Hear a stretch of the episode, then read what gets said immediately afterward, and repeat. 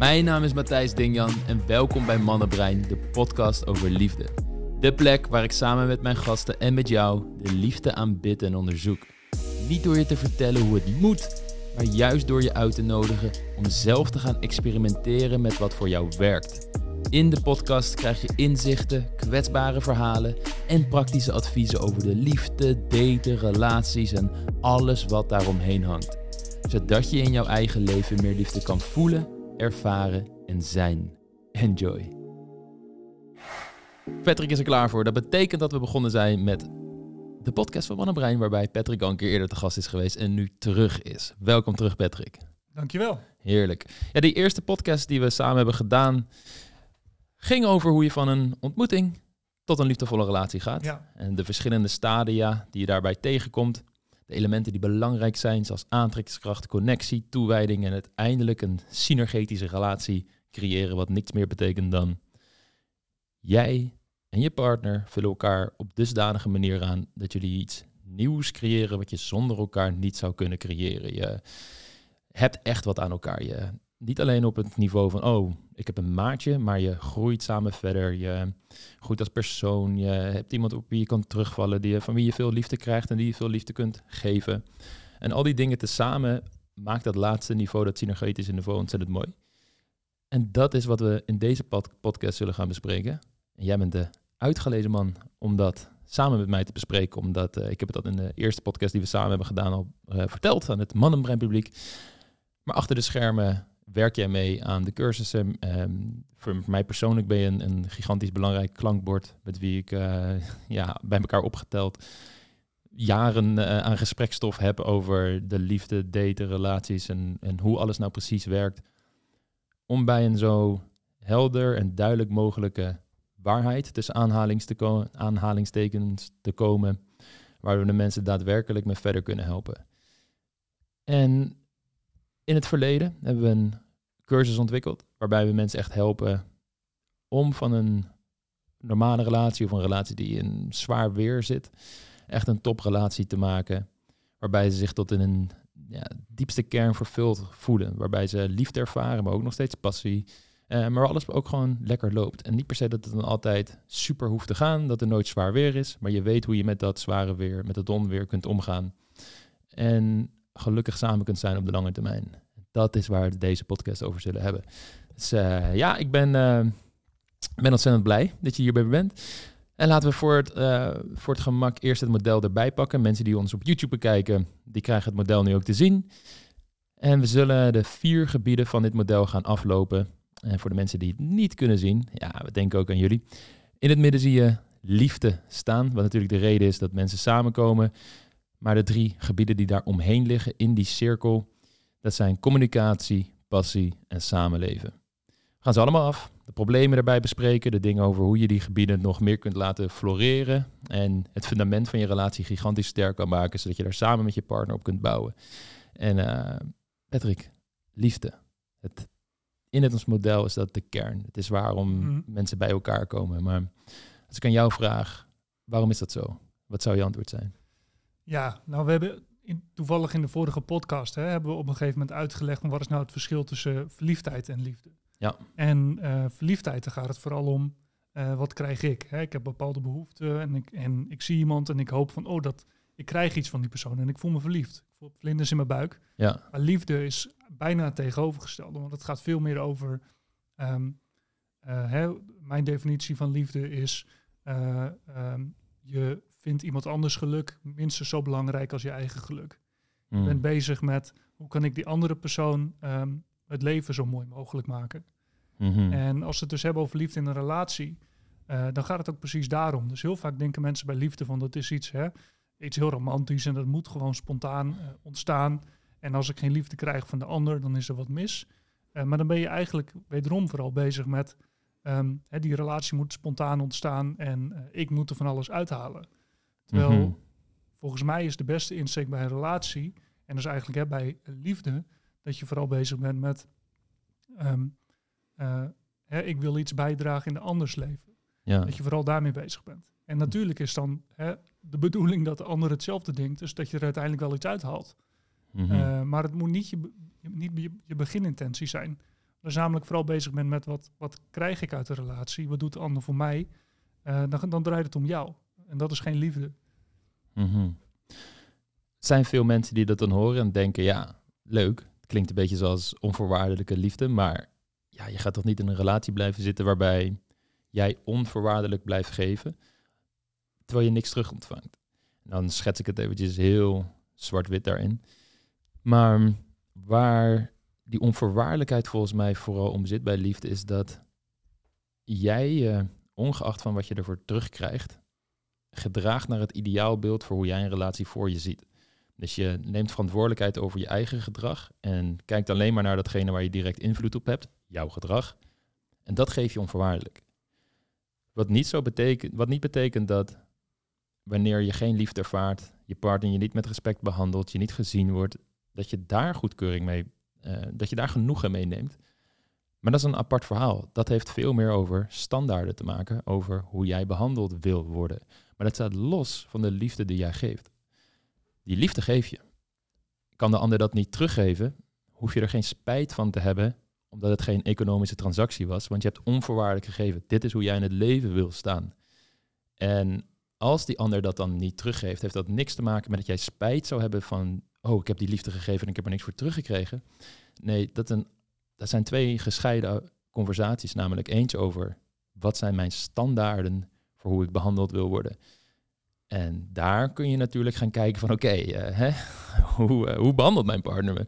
Maar dat zijn dus twee eh, conversaties die vaak samengesmolten raken bij mensen, maar, die, maar waarbij het je veel meer helpt om ze apart te trekken omdat het je ook helpt wanneer jij geschaad bent in vorige relaties en zoiets hebt van ja, maar ik ben bang mijn hart weer aan iemand te geven, want wat als ik er niks voor terugkrijg? hey, weet dat de kracht zit in zijn zoals jij wil zijn in het contact en tegelijkertijd daarnaast standaarden ontwikkelen voor hoe je wil dat mensen met jou omgaan. En wanneer je die beide aspecten scherp in vizier hebt, kun je nog steeds onvoorwaardelijke liefde geven aan de wereld.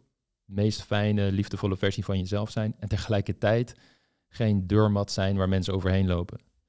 Nee, dat klopt precies wat je zegt. En ik denk ook dat het te maken heeft met de reden waarom je een relatie aangaat. Hè? Heel vaak is het toch zo dat mensen het gevoel hebben van ik ben niet gelukkig, ik mis iets in het leven.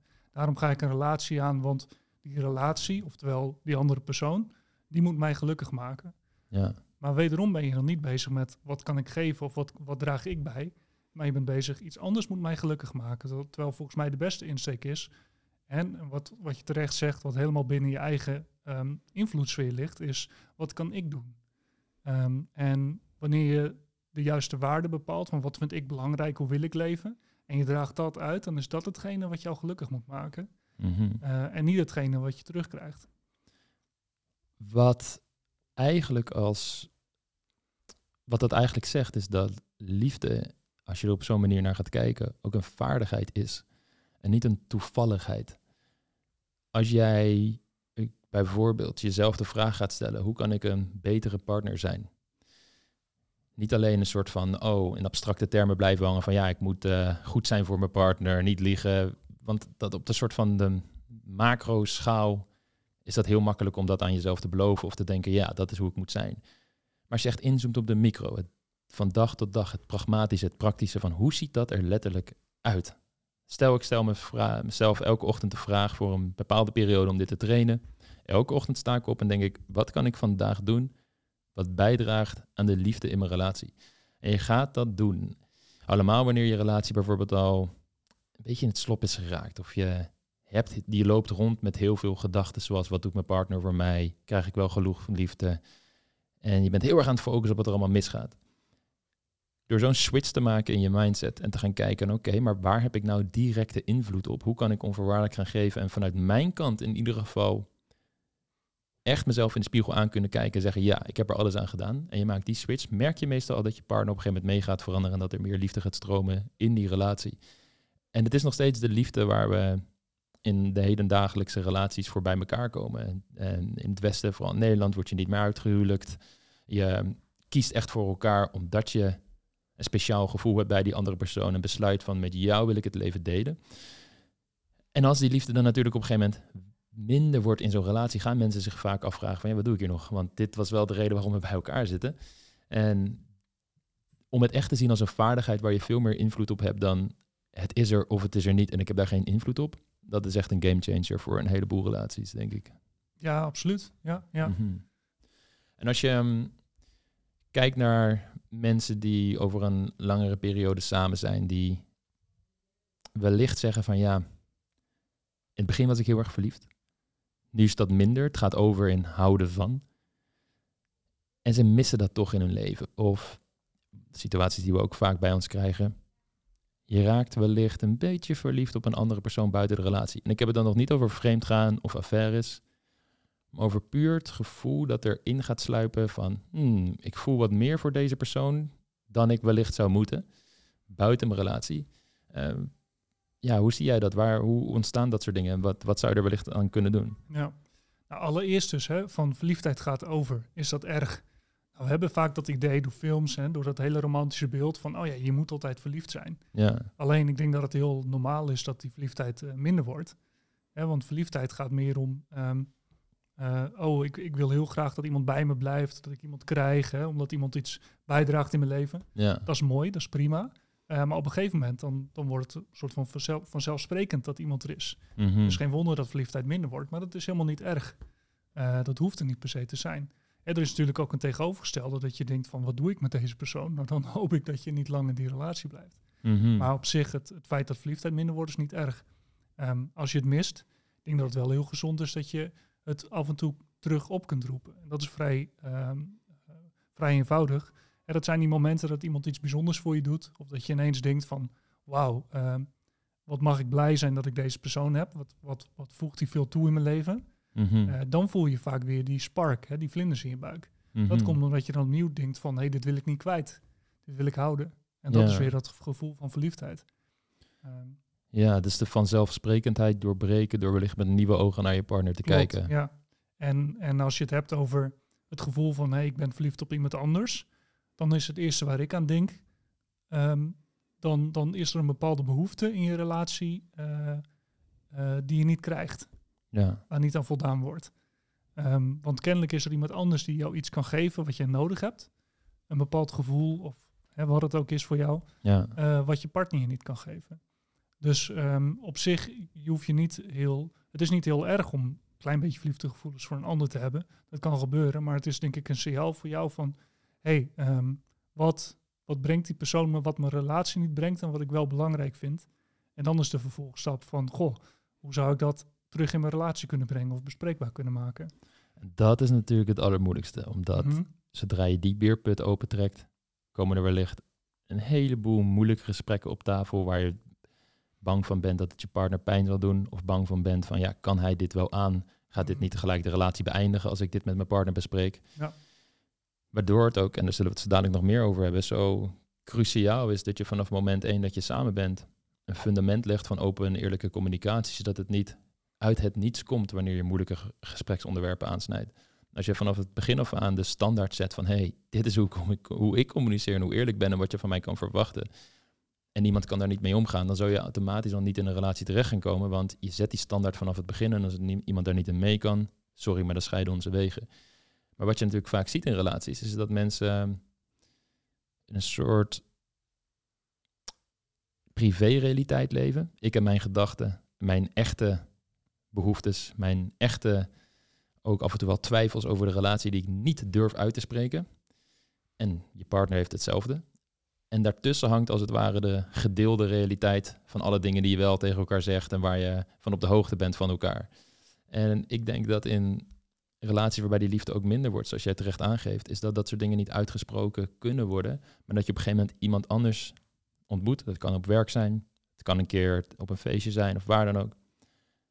Die als het ware een spiegel voorhoudt en reflecteert aan jou wat de dingen zijn die je mist in je eigen relatie. Waar je wellicht al wel op de hoogte van was of niet, maar het overvalt je. Het, het geeft je een gevoel van, "Ah, dit heb ik al zo lang niet meer gevoeld. Of ik heb dit überhaupt nooit gevoeld in mijn relatie. En deze persoon heeft dat wel. Ben ik dan wel samen met de juiste persoon? En ik, eh, van heel veel e-mails die wij bij ons krijgen van mensen die zich in dat soort situaties bevinden, is mijn standaard vraag altijd: heb je dit besproken met je partner? En vrijwel altijd is het antwoord: Nee, niet echt, want ik denk niet dat hij ermee om kan gaan, want bla bla. En dan komen ze met allemaal voordelen over een partner, waarom die partner er niet mee om zou kunnen gaan, in plaats van die voordelen te testen aan de realiteit. En wat je terecht zegt is van ja, als je zoiets bij jezelf opmerkt, is het cruciaal dat je naar je partner toe stapt en het bespreekbaar maakt. Ik, heb een, een regel met mijn vriendin van oké, als wij iemand anders ontmoeten en we krijgen verliefde gevoelens, of dus een stap daarvoor zelfs nog, we merken gewoon dat we een bepaalde kwaliteit van die persoon zo mooi vinden, dat wij dat eigenlijk een beetje missen in onze relatie. En stappen we eerst naar elkaar toe van hey, dit is wat ik opmerk hierin. Wat kunnen we hiermee? Misschien moeten we er helemaal niks mee. Dat zou ook kunnen. Misschien is het gewoon van oh ja, dat, is gewoon de realiteit zoals het is. Maar alle dingen die we wel hebben zijn zo mooi dat het er niet toe doet. Uh, misschien kun je met een creatieve oplossing komen. Het kan van alles zijn, maar dat fundament van vertrouwen van hey, als er iets is, stappen we naar elkaar toe. Dat is cruciaal als je echt in een, een synergetische relatie terecht wil komen waarbij je elkaar door en door vertrouwt en dat stevige fundament hebt waardoor je ook veel meer rust zal ervaren in die relatie. Ja, mhm. ja dat is ook, um, hè, die relatie is geen vanzelfsprekendheid. En iemand anders, die, hè, daar komen we straks ook nog op, die, die kan niet in jouw hoofd kijken van wat jij denkt en wat je wil en wat je nodig hebt. Ja. Uh, en dat verwachten we vaak wel. Hè? Dat, dat soort van jouw realiteit, dat je een soort van um, uh, alleen recht hebt om, een om, om de werkelijke realiteit te kennen en, en te mm. hebben. En dat als een ander dat niet begrijpt, dat, er een, uh, dat dat aan die ander ligt. Uh, Terwijl dat natuurlijk helemaal niet zo is. Dus als jij niet uitspreekt wat jij nodig hebt en hoe jij dingen beleeft, uh, dan kan je nooit van de ander verwachten dat hij dat ineens spontaan aanvoelt en daar iets mee doet. Ja. Ja, een voorbeeld vanuit mijn eigen relatie. Ik weet nog goed, uh, dat was een beetje in het begin van onze relatie. Kijk, ik hou van mijn werk, maar ik kan er af en toe ook een beetje blind in zijn. En daar bedoel ik mee dat ik bijvoorbeeld, als ik op vakantie was geweest met Lara, mijn vriendin, we kwamen terug, dan kon ik gewoon de een op de andere dag alweer, bam, knop on, ik ben nu weer aan het werk. En dan nog zoiets van, hè, maar we komen net uit zo'n heerlijke gezamenlijke bubbel, we komen thuis. En opeens ben je er bijna niet meer, want je gaat naar kantoor of je gaat werken of wat dan ook. En dat miste zij heel erg. En voor haar is een van haar belangrijkste liefdestalen is kwaliteitstijd. Samen dat spenderen, gewoon samen zijn. Voor mij ook, maar eh, voor mij was ook iets heel belangrijks. Van oké, ik wil gewoon weer aan het werk, want ik heb misschien nieuwe ideeën opgedaan, ook op mijn vakantie of wat dan ook. En als je dat niet uitspreekt, of je ziet dat als een signaal van, zie nou wel, hij houdt niet van mij, of hij vindt mij niet zo leuk als ik hem vind, dan kan dat die liefde in de weg gaan staan. Want je gaat daarmee zitten en dat wordt een, een wond die gaat, gaat etteren. En ook je partner, als jij degene bent, in dit geval ik dus,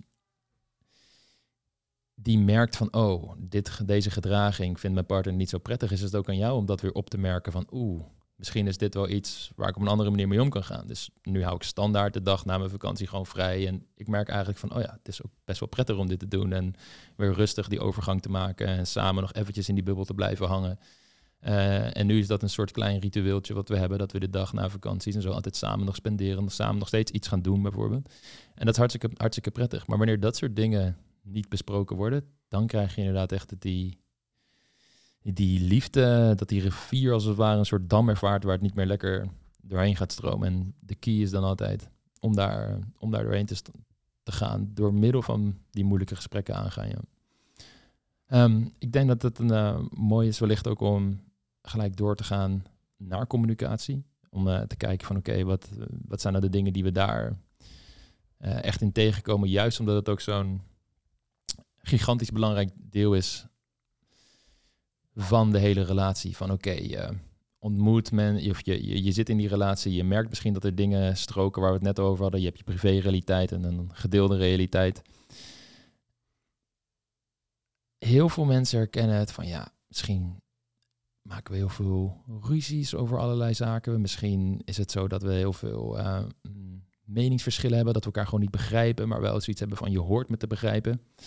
Wat zou jij zeggen dat dat gebied communicatie, waar, waar draait het nou echt om in de essentie? Waar gaat het over? Ja, kijk, uiteindelijk er kunnen conflicten zijn en daar moet je natuurlijk goed mee omgaan. Hè. Daar hebben we mhm. bijvoorbeeld uh, geweldloze communicatie voor. Ja. Maar ik denk dat alles begint met het idee van ik heb de waarheid niet in pacht.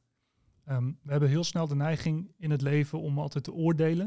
Op hele kleine dingen, op jezelf zelfs. Hè, als we het hebben over eigenwaarde bijvoorbeeld. Mhm. Maar ook juist op de ander. Hè. Dus Ehm, als er iets gebeurt, uh, een bepaalde gebeurtenis of een bepaald gedrag van iemand, of juist iemand doet iets niet, uh, hè, bijvoorbeeld de rotzooi opruimen, ehm, dan vanuit onze eigen denkwereld, vanuit onze eigen realiteit, zijn we heel snel geneigd daar een conclusie uit te trekken. Waarom iemand dat doet. En dat is meestal geen goede conclusie, want het is niet het, is niet het gedrag wat jij wil zien. Ja, ja. Ehm, en dan word je kwaad, bijvoorbeeld. Hmm. Hè, dus eh, iemand eh, ruimt zijn rotzooi niet op, dan denk je die is lui, die is smerig, eh, noem het maar op. Iemand respecteert eh, niet dat ik eh, juist alles schoon of opgeruimd wil hebben. Mhm. Ehm, terwijl je dat misschien niet eens hebt uitgesproken ooit. ja. Eh, dus dan word je kwaad. Want je Mhm. denkt van, hé, hey, dit is normaal ehm, en iemand doet dat niet. Of iemand respecteert me niet. Mhm. Terwijl volgens mij stap 1 altijd is ervan uitgaan van... Hmm, iemand vertoont bepaald gedrag wat ik niet zou vertonen of wat ik niet begrijp. Laat ik eens proberen eh, door vragen te stellen... eh, echt in, in, in de belevingswereld van de andere persoon te, te stappen... en echt vanuit diens perspectieven te begrijpen. Dat betekent niet dat je het goed moet vinden... eh, maar het is wel de eerste stap om, om eerst iemand te begrijpen... hè, voordat, je, voordat je zelf een punt wil maken, voordat je zelf begrepen wil worden. Dat is natuurlijk ook een bekende Ja. uitspraak, hè, van altijd eerst, probeer eerst te begrijpen voordat je zelf begrepen wilt worden. Mhm. Stephen Covey, altijd mooi om die Precies. erbij te halen, Ja, absoluut. Ja, je zou het eh, ehm, kunnen zien echt alsof je van twee verschillende eilandjes komt, waarbij beide landen hun eigen gewoontes hebben, hun eigen rituelen, hun eigen manieren, hun eigen cultuur. En op een gegeven moment besluit je allebei van jouw eilandje af te komen, ga je op een nieuw eiland wonen. En die culturen die moeten dan samengevoegd gaan worden over hoe jullie de- dat eiland als het ware gaan managen en gaan schoonmaken. En wat, wat er wel belangrijk is en, en hoe dat eiland eruit moet gaan zien. En wanneer de communicatie daarvoor ontbreekt en je, je ziet van oké, we lopen hier de hele tijd tegen, tegen allerlei zaken aan. eh, helpt het denk ik ook, en dat is weer een derde gebied eh, van het relatiemodel, om de soort van praktische kant van een relatie ook echt als een gebied in je relatie te zien. Dus het samenleven, het daadwerkelijk van hoe vaak ehm, hou jij bijvoorbeeld de kinderen van school versus hoe vaak ik dat doe. Of wie doet hier meer koken, wie maakt hier vaker schoon. Hoe regelen we al die super pragmatische dingen? Hoe sterker je daar afspraken over maakt, hoe minder dat als het ware zo'n dam gaat vormen in de rivier van liefde, waardoor de liefde niet meer lekker stroomt. Maar heel veel mensen denken dat dit een soort van te min is. Weet je, van ja, eh, daar hoef je toch niet eh, super duidelijk afspraken over te maken. Kom op, ik ben een intelligent ontwikkeld persoon, daar komen we echt wel uit. Ja, en, en natuurlijk wat een groot probleem is, is dat we dus altijd de romantische illusie hebben dat als je de, de perfecte persoon vindt, de, eh, de soulmate, dat die spontaan alles moet begrijpen en dat het spontaan moet werken. Ja, En als het niet spontaan werkt, dan, dan is er iets niet goed. precies, precies. En, en ik, ik wil niet eh, allemaal eh, eh, het dromen kapot slaan, want ik ben, ik, ik- je kent me, ik ben absoluut een romanticus. Ehm, hè, dus het, het, kan- het betekent niet dat het allemaal heel plat en eh, hè, de realiteit hard en koud is. Eh, het kan nog steeds hartstikke warm en liefdevol zijn. Ehm, maar eh, ja, je moet gewoon begrijpen dat er een praktische kant aan een relatie is. En, en dat elk persoon anders is. En dat het gewoon tijd kost om elkaar te begrijpen en een goede middenweg te vinden. Ja, absoluut, absoluut. En ik kreeg laatst een verhaal bij me waarbij een man vertelde aan mij dat hij met zijn vriendin samenwoonde. Maar hij werd op een gegeven moment gewoon echt gek van het feit van ja, ik ben best wel geordend. Ik heb dat ook nodig om rust te ervaren in mijn, in mijn brein. Als er een stapel afwas staat of er liggen overal kleren, geeft dat mij dan een onrustig gevoel. En ik neem dat als het ware mee in hoe onrustig ik ben in mijn hoofd en hoe onrustig ik mij voel in mijn lichaam. Een opgeruimd huis zorgt ervoor dat ik meer rust ervaar. Zo werkt het bij hem. Prima. Zijn vriendin daarentegen, die was meer sloddervos. Liet overal alles slingeren, liet overal alles liggen. En daar raakten ze dus heel erg geïrriteerd door. Ze hadden daar best wel veel ruzies over. En op een gegeven moment zei hij tegen haar, luister, ik, ik kan gewoon niet op deze manier samenleven. Dit is, dit is voor mij echt te veel. En hij zag het inderdaad als een gebrek aan respect van haar kant dat ze het niet kon opbrengen om opgeruimd te zijn. Om gewoon haar afwas in de vaatwasmachine te zetten, haar kleren op te vouwen of in de kast te hangen. Daar, daar is die relatie uiteindelijk uit elkaar gegaan. Die, die relatie is overgegaan. De dame in kwestie had daar zo'n sterke, ehm, knauw van gekregen dat ze ja, best wel instorten, hem heel veel berichten ging sturen, heel erg aan hem ging trekken van nee, alsjeblieft, neem me nou terug, neem me nou terug. Terwijl ze meerdere gesprekken erover gevoerd hadden en voor hem was het op een gegeven moment wel echt klaar. Terwijl ze echt van elkaar hielden, goed bij elkaar pasten, gewoon qua wereldvisie, hoe ze, de, hoe ze elkaar zien, hoe de chemie die ze hadden, de aantrekkingskracht, alles zat goed. Maar toch liep het spaak op iets, zou je zeggen, onbenulligs als oké, ze laten wat kleren liggen en laten afwas staan. Maar dit geeft wel aan hoe diep dit soort irritaties kunnen gaan zitten en hoe erg ze de liefde in de weg kunnen gaan staan. Want als je alleen maar bezig bent, en je herkent het wel bij elk kopje dat je ziet, elk kledingstukje dat je ziet, elke keer ervaar je dezelfde gedachten, diezelfde loop van waarom ruimt ze er niet op? En je voelt die emoties direct opkomen. Ja, er is maar ruimte voor, laten we zeggen, 100% emoties en 100% gedachten per dag. En als 50% al naar allerlei irritaties gaan, dan blijft er niet heel veel over om aan, liefde te denken en, en, liefdevolle emoties te ervaren. En als je op zo'n manier naar dat praktische gedeelte van de relatie gaat kijken, dan zie je eigenlijk in hoe, onder, hoe erg het onderschat wordt door mensen, maar hoe belangrijk het eigenlijk is. Um, maar wat zou jij zeggen bij deze situatie? Is dit inderdaad iets wat gewoon opgelost kan worden? Of moet je op een gegeven moment ook je conclusies trekken en denken, ja, wij passen gewoon niet bij elkaar? Ja, de, de lastigheid is natuurlijk dat, um, hè, wederom, ik begrijp heel goed uh, dat, je, dat je daar heel, uh, heel veel um, heel gefrustreerd om kan zijn. Hè? In dit, bijvoorbeeld, dit geval bijvoorbeeld, hè, dat iemand allemaal rotzooi laat slingeren of de vaatwasser niet inruimt. Um, uh, maar het is heel goed om dus los te koppelen. Allereerst van, ja, oké, okay, dat kan ik vinden, maar het betekent niet dat ik altijd gelijk heb en dat de ander iets raars doet. Het betekent alleen dat um, ik dit vervelend vind en dat we moeten kijken hoe we er samen uitkomen. Dus het begint met respect hebben voor de ander en diens uh, manier van doen. Mm -hmm. Ook al is dat niet jouw manier en ook al wil jij niet zo leven. Dan ga je het gesprek aan. Dan hoop je dat er een middenweg is waar je je, je allebei in kan vinden.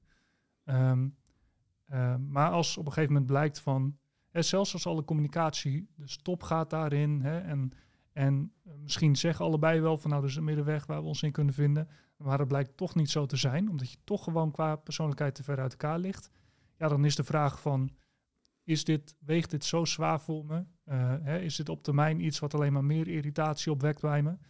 Uh, uh, dan, ja, dan, dan kan er een punt komen dat je gewoon zegt van, ja, dan, dan passen we hier helaas gewoon niet bij elkaar. En dan is het misschien tijd om uit elkaar te gaan. Dat is heel vervelend. Um, mm -hmm. En je probeert altijd de middenweg te vinden. Maar als die middenweg gewoon te ver af ligt van hoe je allebei in elkaar zit en eigenlijk die concessie niet wil doen, of alsnog heel veel irritatie of frictie voelt dat je je zo aan moet passen, ja, dan, dan houdt het gewoon op. Ja. En, en, en daarbij begint het natuurlijk ook dat Kijk, soms kan zoiets ontstaan, je kent iemand niet en je komt daar na een heel lange tijd pas achter. Maar wederom, hè, wat we natuurlijk altijd proberen te leren is, ja, waarom ga je nou een relatie aan? Um, ga je een relatie aan omdat je niet gelukkig bent en de relatie je, jou gelukkig moet maken, je, je leven moet uh, repareren? Ja. Of ga je een relatie aan omdat je eigenlijk wel gelukkig bent, maar iemand voegt gewoon nog meer toe? Um, in dat laatste geval uh, ben je waarschijnlijk ook veel meer aan het filteren, want het is niet van de eerste de beste die me... Um, iets geeft wat, wat in mijn behoeftes voorziet, daar ga ik voor. Mm -hmm. uh, maar ik kijk echt van, past iemand echt bij me? Uh, dus je, je filterproces is eigenlijk veel grondiger. Um, en dan is de kans groter dat je dit soort problemen voorkomt aan de voorkant al. Omdat je erachter komt van, hé, uh, hey, hier zijn dingen waarvan ik weet dat ze me op termijn gaan uh, irriteren. Ja. Um, in plaats van dat je er heel snel invliegt, omdat, uh, omdat je nou helemaal zo graag wil en er dan later achter komt. Hè, dan je hebt, al, je hebt al geïnvesteerd in iemand. Je hebt al een soort van relatie. Er zijn irritaties, maar je denkt, ach, die onderdruk ik, want ik voel me zo verliefd. Maar ja, die verliefdheid gaat over. Irritaties, die worden alleen maar groter. En dan ben je een paar jaar bij elkaar en dan kom je erachter, hé, hey, dit werkt eigenlijk niet. Mm -hmm. Ja, dat is natuurlijk heel, heel vervelend. Omdat je als het ware de gok hebt genomen van, het zal wel meevallen op de lange termijn. Misschien draaien ze zelfs bij of ja, ja. ik leer er wel mee omgaan. Ja. Precies, ja. concept wat daar altijd bij helpt om die afweging te maken, is er zijn bepaalde dingen die je kunt zien als kosten van de relatie. Als we weer teruggaan naar het voorbeeld van hoe vaak iemand de afwas doet, of, of niet eens de afwas doet, maar gewoon opruimt, stofzuigt. Als ik kijk naar mijn eigen relatie, zijn dat dingen die voor mij persoonlijk belangrijker zijn dan voor mijn vriendin, grappig genoeg. En op een gegeven moment was het voor mij de keuze van, oké, ja, hoe belangrijk vind ik het dat dit helemaal gelijk staat. Dus dat wij exact 50% evenveel doen in het huishouden. Ja, eigenlijk boeit het me niet zo heel veel, want ik ben best bereid hier en daar wat meer te doen, omdat ik gek genoeg soms best plezier hou uit even stofzuigen, de was doen of iets schoonmaken, omdat ik meestal gewoon een podcast inplug en ik ben lekker aan het luisteren en ik kan iets doen met mijn handen, waardoor ik tegelijkertijd nog soms beter kan focussen op datgene wat er gezegd wordt. Terwijl voor mijn vriendin is het gewoon echt een vervelende taak. Van, Mhm. ah, dat moet ik gaan doen, weet je wel. Ja, ja. En dan is het iets van, oké, ik dan ben ik best bereid om daar meer in te doen. Want ik zie dat mijn vriendin op andere gebieden weer veel meer levert en creatiever is met bijvoorbeeld uitstapjes regelen, mij verrassen of, of ons beiden verrassen, leuke dingen regelen. Daar is zij gewoon creatiever mee en sterker van. En zij vindt dat heel leuk, terwijl ik daar weer net wat minder plezier uit haal. En het concept is van, oké, er zijn altijd kosten die je gaat krijgen met, met, met je relatie. Dingen die je op de koop toe moet nemen waar jij meer zult doen of waar de ander gewoon minder goed in is. Maar wat zijn inderdaad de elementen die zij terugbrengen, de baten als het ware? En dan, dat klinkt natuurlijk weer van, oké, maar ben je dan niet alsnog een soort economische transactie aan het doen? Nee, want dit draait niet om liefde of, of om, oké, jij doet dit, dus ik moet 100% dit ervoor terugkrijgen in hetzelfde gebied. Maar het gaat er meer om van, oké, vullen wij elkaar aan op gebieden? Is het iets waar ik als persoon minder goed in ben, waar mijn partner mij in kan helpen? Of dat stuk in mijn leven kan opvullen, zodat we als het ware samen dus meer creëren dan de zonder delen. En dat is een afweging die je moet maken van ja, hoe vervelend vind ik het dat ik in dit specifieke gebied misschien net wat meer doe ten opzichte van mijn partner en wat zijn de dingen die ik juist daarvoor terugkrijg en wat helpt het me om daar ook meer op te focussen, zodat ik minder irritatie voel, ik minder ergernis wanneer ik dan bepaalde handelingen in het huis verricht. Ja. Nee, maar je zegt het precies goed. Kijk, ehm, heel vaak dus leggen mensen alles op de weegschaal. Maar het komt dus omdat ze denken van, en met liefde van, hé, hey, ik verwacht van alles van de ander. Dat, is, Mhm. dat is hoe ik erin sta. Eh, ik heb van alles nodig en eh, tuurlijk wil ik geven, maar alleen maar omdat ik er iets voor terugkrijg.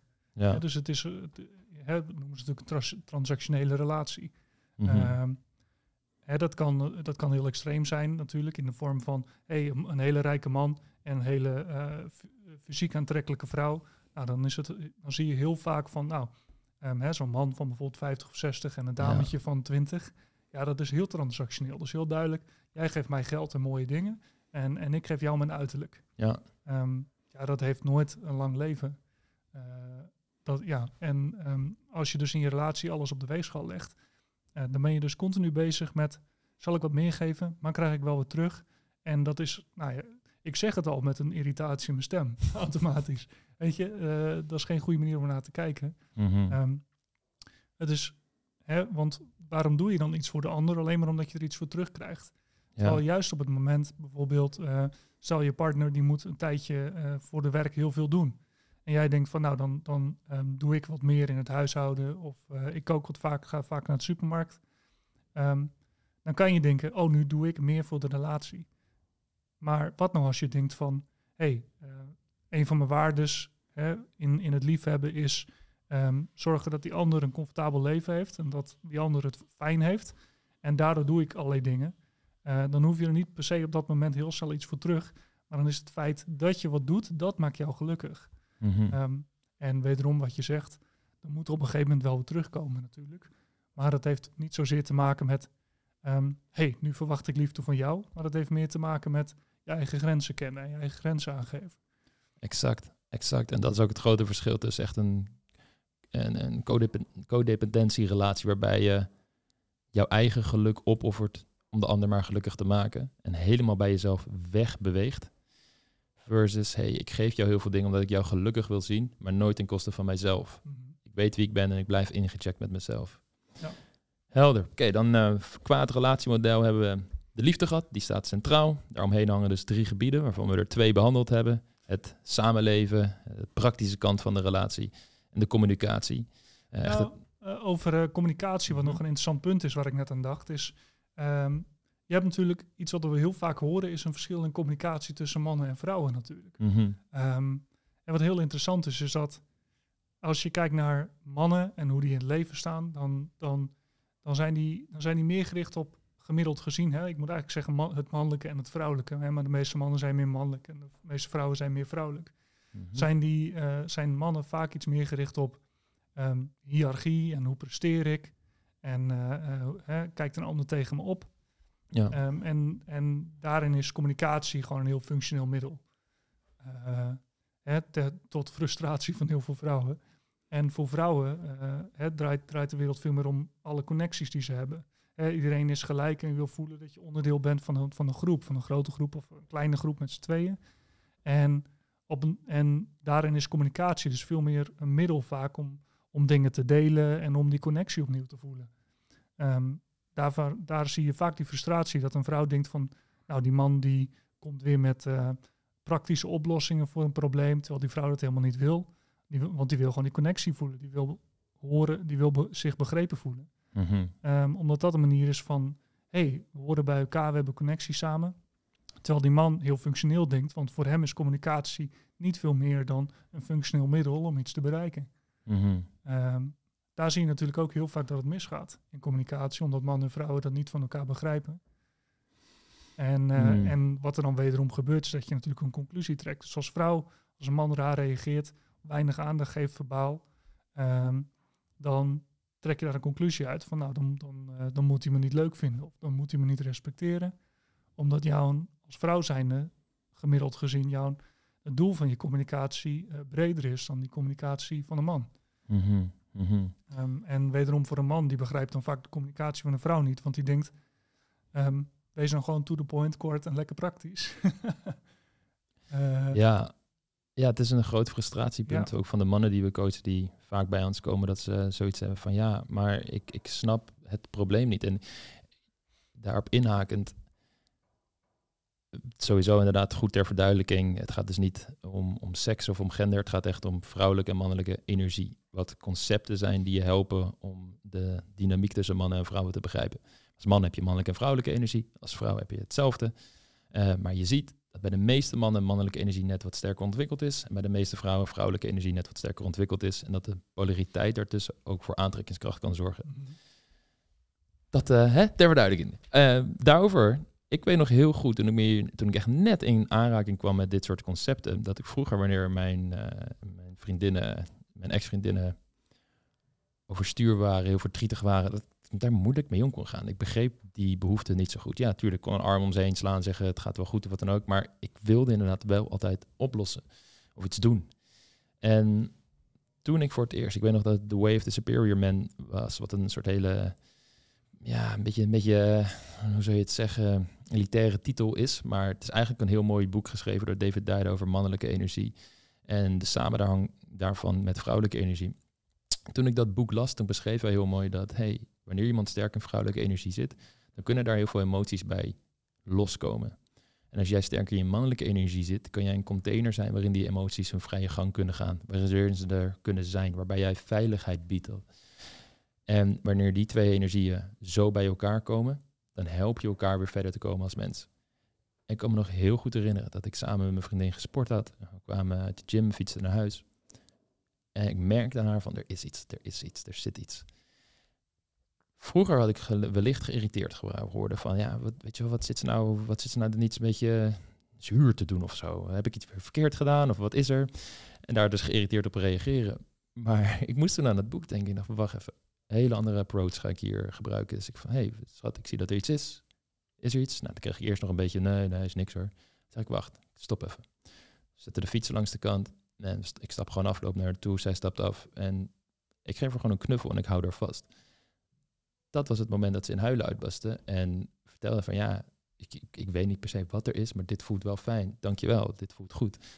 En het was een, een heel mooi moment waardoor, waarbij ik echt begreep van wacht, als je meer gaat begrijpen over man-vrouw dynamieken en los van seksen, meer over mannelijke en vrouwelijke energie gaat leren, over communicatie, over hoe relaties werken. Het gaat je zo gigantisch veel helpen om de relatie niet alleen veel sterker te maken, zodat je een grotere kans hebt dat je samen blijft, maar ook dat je echt elkaars behoeften kunt voorzien en elkaar helpt het leven uh, met meer positieve emoties en geluk te ervaren. En dat was een van de eerste momenten in mijn leven dat ik echt dacht, wauw, ja, ik snap nu hoe die mannelijke en vrouwelijke energie zich tot elkaar kunnen verhouden. En wat de meerwaarde daarvan is. En hoe mooi dit eigenlijk is dat de, de wereld zo werkt en dat je elkaar daarin kan aanvullen. Maar wanneer je dit soort dingen niet begrijpt, je hebt er nog nooit van gehoord, dan kan het voor een heel groot frustratiepunt zijn in de relatie. Waardoor, heb je hem weer, die vervelende dam in de rivier der liefde, weer die, stroom, die stroming van de liefde gaat, gaat uh, blokkeren.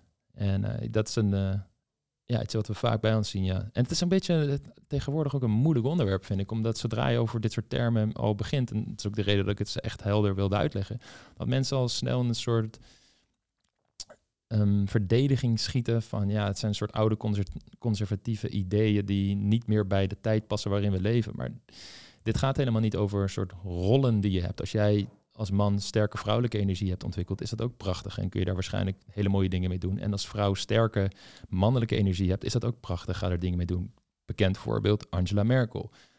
Als je aan een hele vrouwelijke vrouw denkt qua energie, zou je niet snel aan haar denken. Maar ze heeft wel die hele sterke mannelijke energie gebruikt om um, een krachtige leider voor Duitsland te zijn. En ik denk dat dat zo'n manier naar kijken van hé, hey, het is niet een, een negatief iets of iets ouderwets dat jou een bepaalde rol in de maatschappij probeert aan te praten, maar echt een energie die in jou zit, een concept dat je kan helpen om je partner beter te begrijpen, dat het dan hele mooie dingen voor je relatie kan doen. Ja. Absoluut, absoluut. Ik moest denken aan uh, iemand die ik heel lang geleden geholpen heb. Um, die, uh, die jongen toen, uh, die kwam toen bij me en die zei van, het is uit met mijn ex. Um, er was iets voorgevallen en uh, zij kwam bij hem thuis en, en ze was kwaad en ze zegt tegen hem, um, waarom, waarom zou ik nog bij je blijven?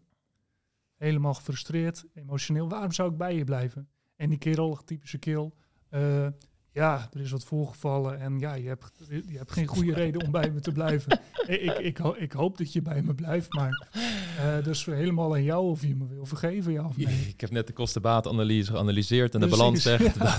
dat, dat En er, zei van, maar waarom zou ik bij je blijven? En hij van, nou oh. ja, uh, ja, ik hoop dat je bij me blijft, maar uh, dus vooral of jij me wil vergeven. Toen renden ze boos weg. Nou, hij, rende, hij dacht even een paar seconden na, rende erachteraan. En zegt van ja, wat had je dan willen horen? En ze zegt ja, ik had als reden willen horen omdat ik van je hou. Mm. Als man zijn, met, met zeg maar functionele communicatie, denk je, hè, ik, ik heb een fout begaan. Mijn vriendin die vraagt waarom zou, ik, waarom zou ik bij je blijven? En ik zeg omdat ik van je hou.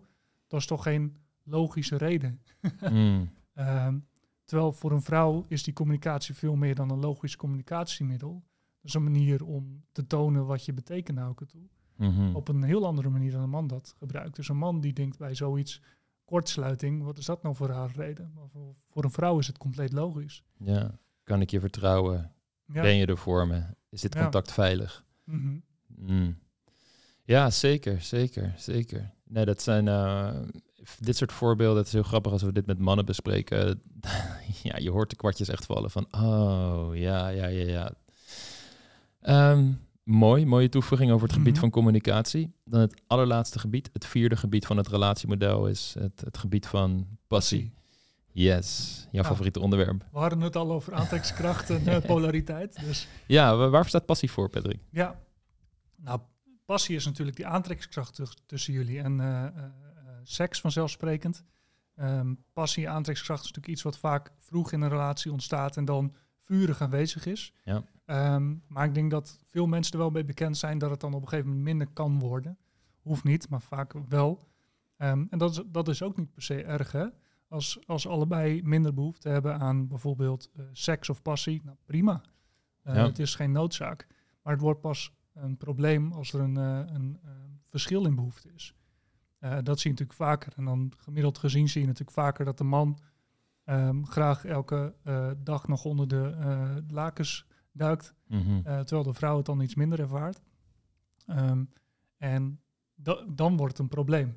Eh, vanzelfsprekend is het antwoord goede communicatie. Maar weet je, waarom is het nou een probleem?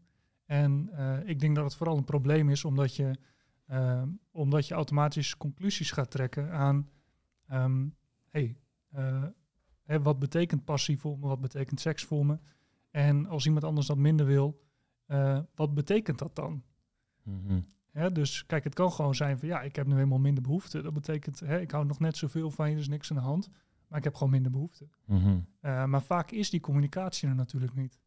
En voor een man is heel vaak natuurlijk dingen als seks en ehm, eh, je, je vrouw eh, volledig kunnen laten genieten is een soort ego-dingetje. Een soort bewijs van, kijk eens, ik ben man. Ehm, en ik voel me daar fantastisch door dat ik dat kan bereiken bij haar.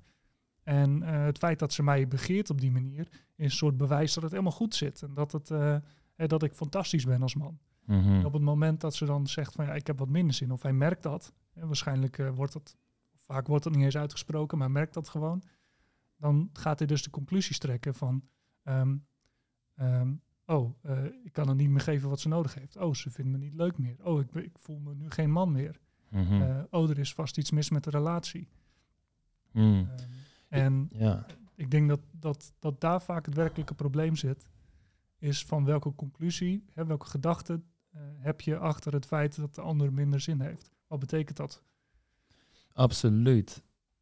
Het is een hele belangrijke distinctie die je maakt tussen hey, puur en alleen het feit dat jullie minder seks hebben of dat er minder passie is, hoeft niet een probleem te zijn als de behoeftes nog steeds vervuld worden aan beide kanten. Beide partners zijn daar oké mee. Het wordt pas een probleem zodra dat verschil in behoefte er is. Jij stipt nu de, kaart, de kant aan van hey, de man heeft meer zin dan de vrouw.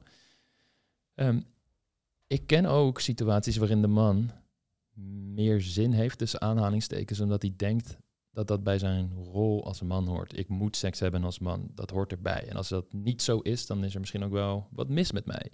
Eh, waardoor het soms ook kan zijn dat de man zoiets heeft van ja, ik, ik moet maar aandringen en ik moet maar seks hebben, want ja, dan ben ik een goede man. Dan geef ik ook mijn, mijn partner uh, wat, wat belangrijk is in de, in de relatie.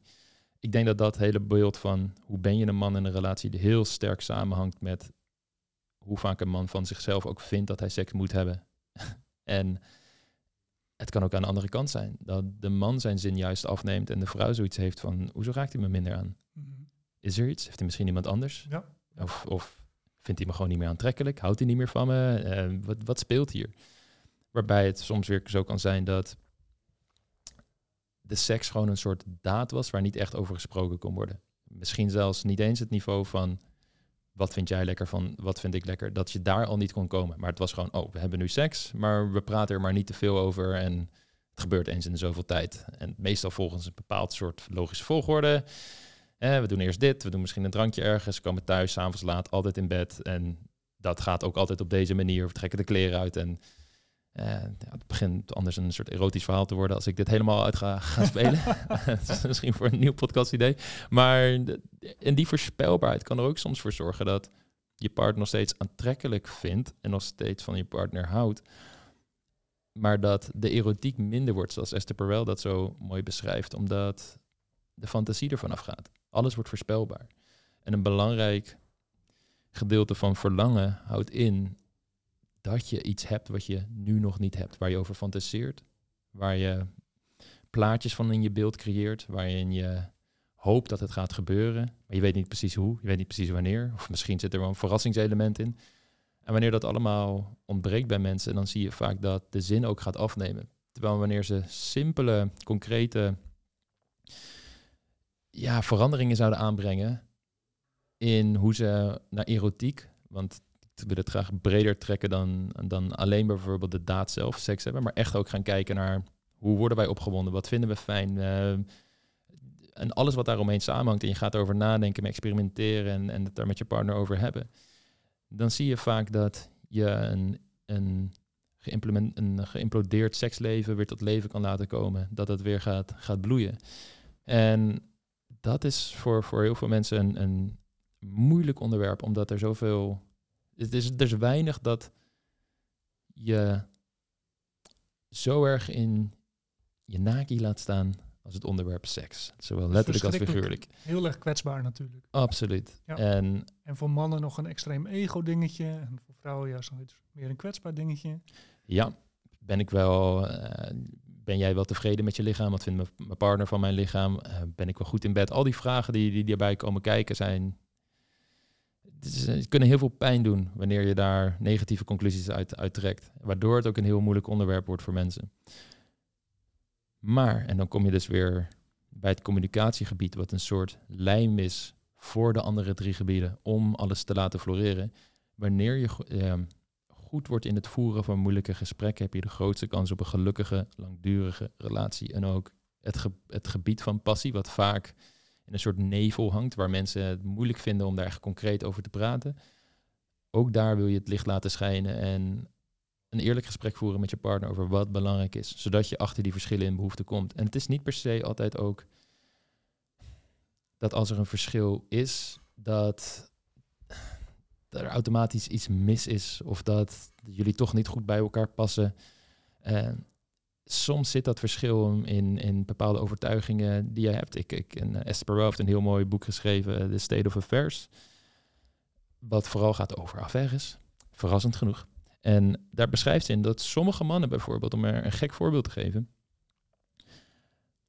liefde heel erg gekoppeld hebben aan een soort moederlijke liefde, een soort familiaire liefde. En in het begin, als je net gaat daten, dan is dat echte diepe houden van, is er nog niet. Dus er is inderdaad nog heel veel aantrekkingskracht, fysieke aantrekkingskracht. Alles is nieuw, de fantasie leeft nog. En je bent nog veel meer uh, uh, vurige liefde van elkaar dan echt partners. Maar wanneer er die transitie gaat plaatsvinden van, oh, ik ben nu echt lang met mijn partner samen, ga je ze anders zien. En er komt een ander soort liefde daarvoor daarbij, als het ware. Een soort houden van meer een familiair ding bijna. Want je gaat misschien een gezin vormen op een gegeven moment zelfs. En zij beschrijft dat sommige mannen dan geen behoefte hebben meer aan een partner, omdat het gek aanvoelt om dan nog seks te hebben met hun partner, omdat dat af, als iets vulgairs wordt gezien. En dat doe je niet met je vrouw, met je partner. En dat geeft maar aan over hoeveel. Ja, je, je weet niet wat er achter de reden zit dat je partner zijn of haar behoefte afneemt. En daar een, een eerlijk gesprek over voeren. Soms kom je achter dingen die je nooit had kunnen raden, omdat je je partner toch nog in die privé-realiteit dingen had verstopt die ze nog nooit tegen iemand uitgesproken hebben. En waar ze van denken, van, ja, dit kan ik ook niet uitspreken. Dit is te gek, te persoonlijk. Ze gaat dat te raar vinden. En, en ik denk dat die gesprekken juist voor hen een heleboel relaties de doorslaggevende factor kunnen zijn om die passie terug te brengen in de relatie. Mm Ja, en, en daarom hebben we natuurlijk liefde centraal staan. Hè? Want um, uiteindelijk komt het neer op continu bezig zijn met Ehm, de ander beter leren begrijpen en denken van hoe kan ik de ander beter, beter uh, helpen uh, om een mooi leven te hebben.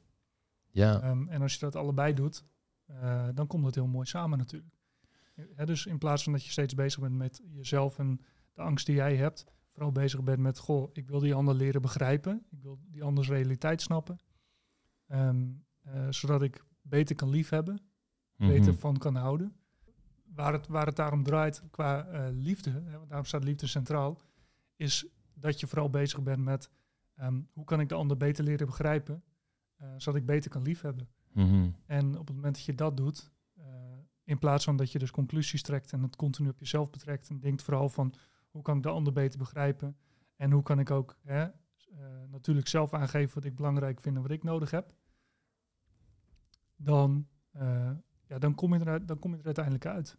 Ja, en dit model helpt je heel erg. Kijk, het is een oversimplificatie van een relatie. Natuurlijk zijn er nog allerlei andere zaken belangrijk die we niet besproken hebben. Maar als je naar die problemen gaat kijken, dan zijn ze bijna altijd wel in een van de vier gebieden te plaatsen. En vooral in de gebieden samenleven, passie en communicatie. Als je die gebieden op orde hebt, dan zal je merken dat daardoor de liefde automatisch meer gaat stromen.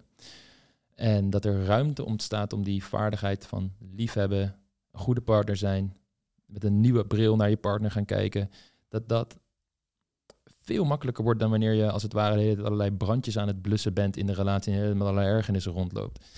En dit model helpt je heel erg om dus die, die problemen in je relatie in kaart te brengen, te kijken van oké, waar kunnen we aan werken, welke informatie hebben we daarvoor nodig, hoe kunnen we dat voor elkaar gaan krijgen, zodat die rivier geen gekke dam heeft, maar lekker blijft stromen. Hmm. Dan is er nog één belangrijke vraag ook die ik uh, graag met jou wilde behandelen.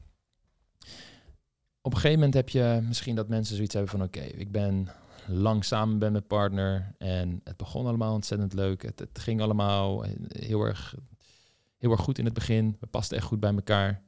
En op een gegeven moment is er gewoon een soort sleur ingekomen. Uh, wat je vaak hoort van ja, we groeien misschien een, een, een beetje uit elkaar of, of passen we nog wel goed bij elkaar. Misschien zijn we andere fases van ons leven ingegaan en verschillen die fases te veel.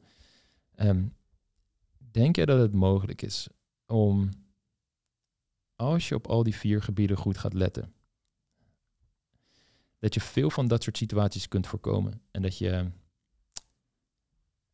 misschien nog steeds wel verandert als, als persoon, maar dan, en je partner ook. Maar dat de basis tussen jullie, het fundament van die relatie zo stevig is, dat je dat als het ware overleeft. En dat je doorgroeit en misschien de relatie wel mee verandert. Wat is, wat is jouw visie daarop? Ja, kijk, het is natuurlijk altijd, het is lastig als je op een gegeven moment op verschillende plekken gewoon anders in het leven staat. Ehm, maar ik denk dat het belangrijkste is om dan terug te gaan naar uh, ja, waarom heb je een relatie en, en wat wil je daarmee bereiken uiteindelijk. Mhm. En het zou raar zijn om te zeggen dat een relatie alleen maar dingen toevoegt en niks kost. Ja. Um, hè, neem bijvoorbeeld een kind. Ik heb zelf een dochtertje van één jaar en een maand nu.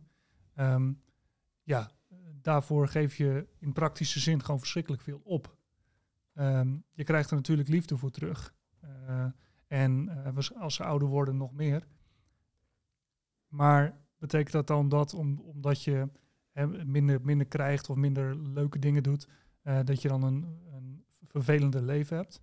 Nee, want het gaat uiteindelijk gaat het erom van wat zijn je eigen waarden?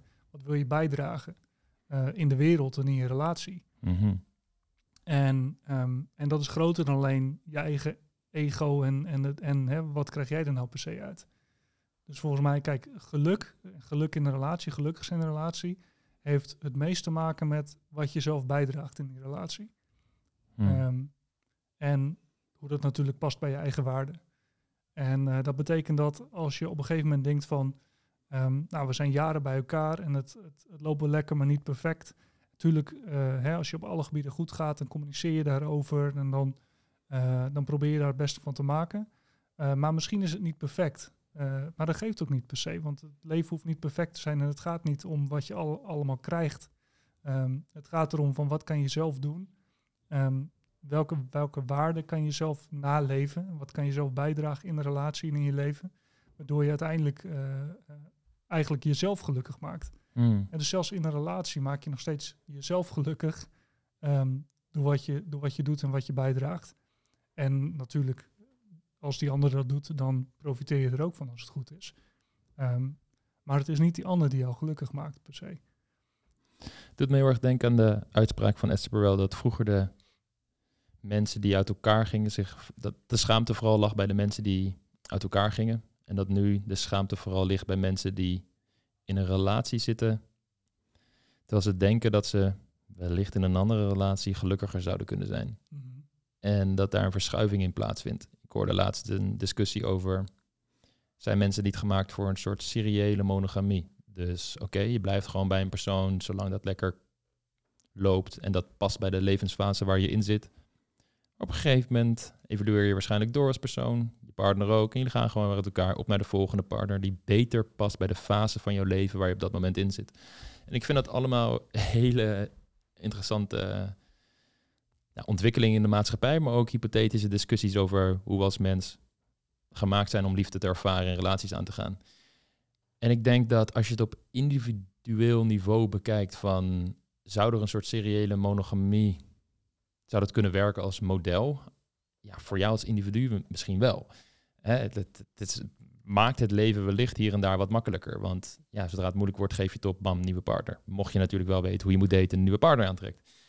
Maar zodra je het over kinderen gaat hebben, zoals jij terecht zegt, en je hebt een dochtertje, dan weten we gewoon uit de vakliteratuur dat scheidingen, verscheurde gezinnen, uh, gezinnen die moeten integreren met elkaar, dat dat voor heel veel problemen kan zorgen. En dat een, een ruzie en een scheiding natuurlijk meestal gepaard gaat met heel veel spanning en stress binnen het gezin, wat de, de gezonde ontwikkeling van een kind in de weg staat. En nergens krijg je aangeleerd hoe een gezonde, liefdevolle relatie blauwdruk eruit ziet. Met geluk leer je die door imitatie van je ouders als zij een voorbeeld waren voor hoe een liefdevolle, veilige relatie eruit ziet. Je pakt nog wat dingetjes mee in je tienerjaren van relaties. Je kunt daar nog wat uitproberen, nog wat aankloten. Van denken, oh ja, dit werkt in ieder geval niet, dit wel. Maar daar heb je natuurlijk ook een zelfreflectief vermogen voor nodig, dat je daar echt stil bij staat. En wellicht ook naar informatie gaat zoeken die jou gaat helpen om die problemen die je hebt ervaren in je eerdere relaties op te lossen voor latere relaties. Maar, het is, het, maar dit hele verhaal geeft wel aan dat er best wel veel gelukfactoren bij komen kijken. En wat mij zo mooi lijkt, is dat mensen, net zoals je leert schrijven op school, de belangrijkste principes van liefdevolle, veilige relaties aangeleerd krijgen, zodat ze de grootste kans hebben dat ze vanaf moment één een standaard neerzetten voor een relatie die hen de grootste kans geeft op een succesvolle, langdurige relatie. Wat uiteindelijk voor stabielere gezinnen gaat zorgen. Daardoor kinderen een plek hebben waarin ze opgroeien binnen een gezin, waarin zij die blauwdruk weer meekrijgen. En er minder stress in dat gezin is, waardoor ze meer ruimte ervaren om hun, zichzelf te ontplooien. Ze hebben een veilige thuisbasis. Ze leren daar emotieregulatie. Ze leren daar hoe je met elkaar communiceert, dat je moeilijke gesprekken aangaat. En al die, ze zien hoe liefde eruit ziet, omdat als je die relatie blauwdruk toepast, zal de liefde dus stromen. Dus ze krijgen al die concepten mee. En vanuit daar trekken zij weer de wereld in. En ik denk dat dat een manier is waarop je relaties veel breder moet trekken. Alleen maar van, oh, ik heb gewoon een relatie. Maar echt moet zien als, nou, klink ik toch echt weer als een CDA-kamerlid, een, een hoeksteen van de samenleving. En ik dacht dezelfde zin net, precies ja. in mijn hoofd. het is eigenlijk gewoon één groot pleidooi om mij lijsttrekker te maken van het CDA. maar dat, uh, dat nee, wel. Eh, kijk, wat, wat ik denk is, um, uh, dat schiet me net te binnen, is... Um, kijk, als ik kijk naar mijn, uh, mijn opa's en oma's bijvoorbeeld. Ja. Um, hè, dat was natuurlijk een heel andere tijd. Hè, ze, ze, leven allemaal niet meer. allemaal hadden ze veel kinderen. en ja, in die tijd was het natuurlijk ook economisch mogelijk of nodig om iemand te hebben. Hè? En dat was natuurlijk sociaal gezien minder geaccepteerd om te scheiden. Maar die mensen hadden gewoon zoiets van, ja, we zitten in een relatie en we gaan, kosten wat kost, gaat het gewoon werken. Klaar. Mhm. En ehm, ik denk wat daar, wat, wat daar de sleutel is, is uh, die relatie staat niet in dienst van, van jou als individu, maar jij staat in dienst van de relatie. Uh, en daarmee bedoel ik dat, hè, uh, dat jij bepaalde waarden hebt van ik, ik, van dit is een relatie, misschien heb ik kinderen en ik zorg gewoon dat het werkt. En dat is een heel andere manier van kijken naar een relatie ehm, dan dat je denkt van hé, hey, ik krijg niet precies uit die relatie wat ik wil of wat ik verwacht. Um, dus nu ben ik gefrustreerd en ik nok hem. Hmm. Um, zijn er grenzen en natuurlijk moet je er allemaal rekening houden. En het is niet de tijd dat als je scheidt dat je ineens op, op straat staat financieel. Uh, hopelijk. ja. uh, als de gasprijzen niet omlaag gaan. Um, maar ik denk dat het heel goed is in het algemeen in het leven tegenwoordig dat we wat minder bezig zijn met um, wat krijg ik allemaal en het redt allemaal om mij. Maar meer denken van uh, wat wil ik toevoegen uh, aan um, bijvoorbeeld mijn gezin en hoe, hoe zorg ik gewoon dat het werkt. Mm. En, en de grap is dus dat het daarvoor niet perfect hoeft te zijn. En je hoeft er niet alles uit te krijgen uh, wat je idealiter uit de relatie wil halen. Maar het gaat erom van, hé, hey, wat draag ik bij? En dat is hetgene wat, wat jou uiteindelijk gelukkig maakt. Hmm. Het, is, het is een interessante om, een kijk die hopelijk steeds, nog steeds heel veel mensen delen. Wat ik gelukkig nog wel om me heen zie, dat echt wel veel mensen nog steeds een relatie willen toegewijd willen zijn. Maar iets interessants wat mij altijd opvalt in, de, in hoe wij over relaties spreken, is dat we zeggen je hebt een relatie. Terwijl het eigenlijk ook is dat je de relatie bent. En wat ik daarmee bedoel is, is we zien onszelf als een soort eilandje afgescheiden van de wereld. De hele idee dat we uit de grond, zeg maar, dezelfde moleculen als de bomen, noem maar op, bestaan. En ook weer teruggaan in de grond en weer één worden van de hele wereld. Dat, daar staan we zo ver vanaf dat we onszelf vaak zien als van, ja, de buitenwereld heeft niet echt effect op mij of invloed. Ik ben gewoon dit eilandje. Terwijl we uit de literatuur al lang weten hoe belangrijk relaties zijn, zelfs voor hele primaire functies zoals stressregulatie. Het is al lang bewezen dat mensen die in een gezonde, liefdevolle relatie zitten, minder uh, stress ervaren die relatie, maar ook beter kunnen omgaan met stressvolle situaties in hun leven, omdat de partner helpt bij het verminderen van die stress. We weten dat mensen met sterke, stabiele relaties een grotere kans hebben om ernstige ziektes te overleven. Juist omdat het immuunsysteem um, versterkt wordt door die relaties in hun omgeving. Uh, want je zal dus weer beter stress kunnen reguleren, noem maar, maar op. Maar wij kijken er heel vaak naar van ja, wat levert een, een relatie mij concreet op? Als in, krijg ik wat ik wil? En wat ik wil is een soort plaatje dat alles gelukkig moet zijn en ik geen, geen ruzie mag hebben of het precies moet gaan zoals mijn leven, zoals mijn visie dat voorschrijft.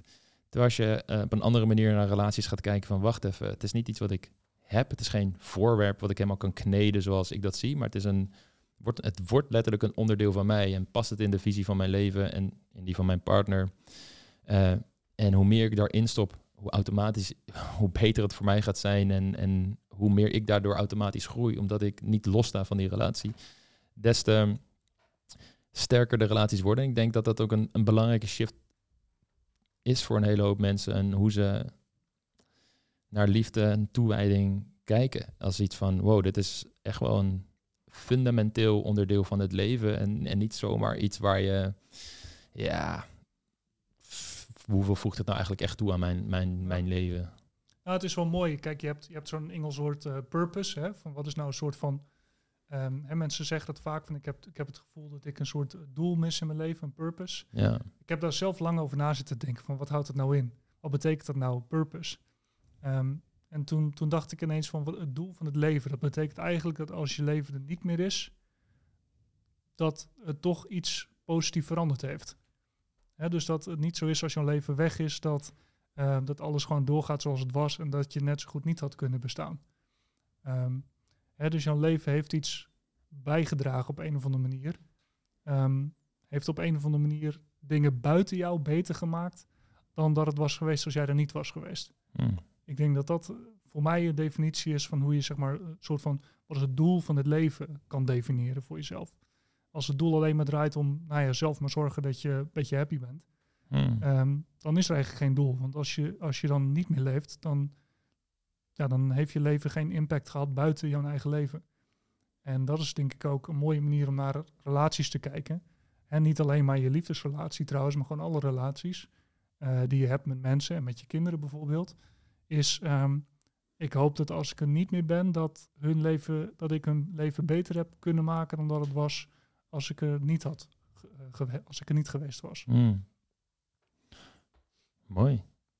Mooi. En dat verandert dus ook helemaal je visie op niet van hey, het draait om wat ik krijg, maar hey, wat draag ik bij aan een ander.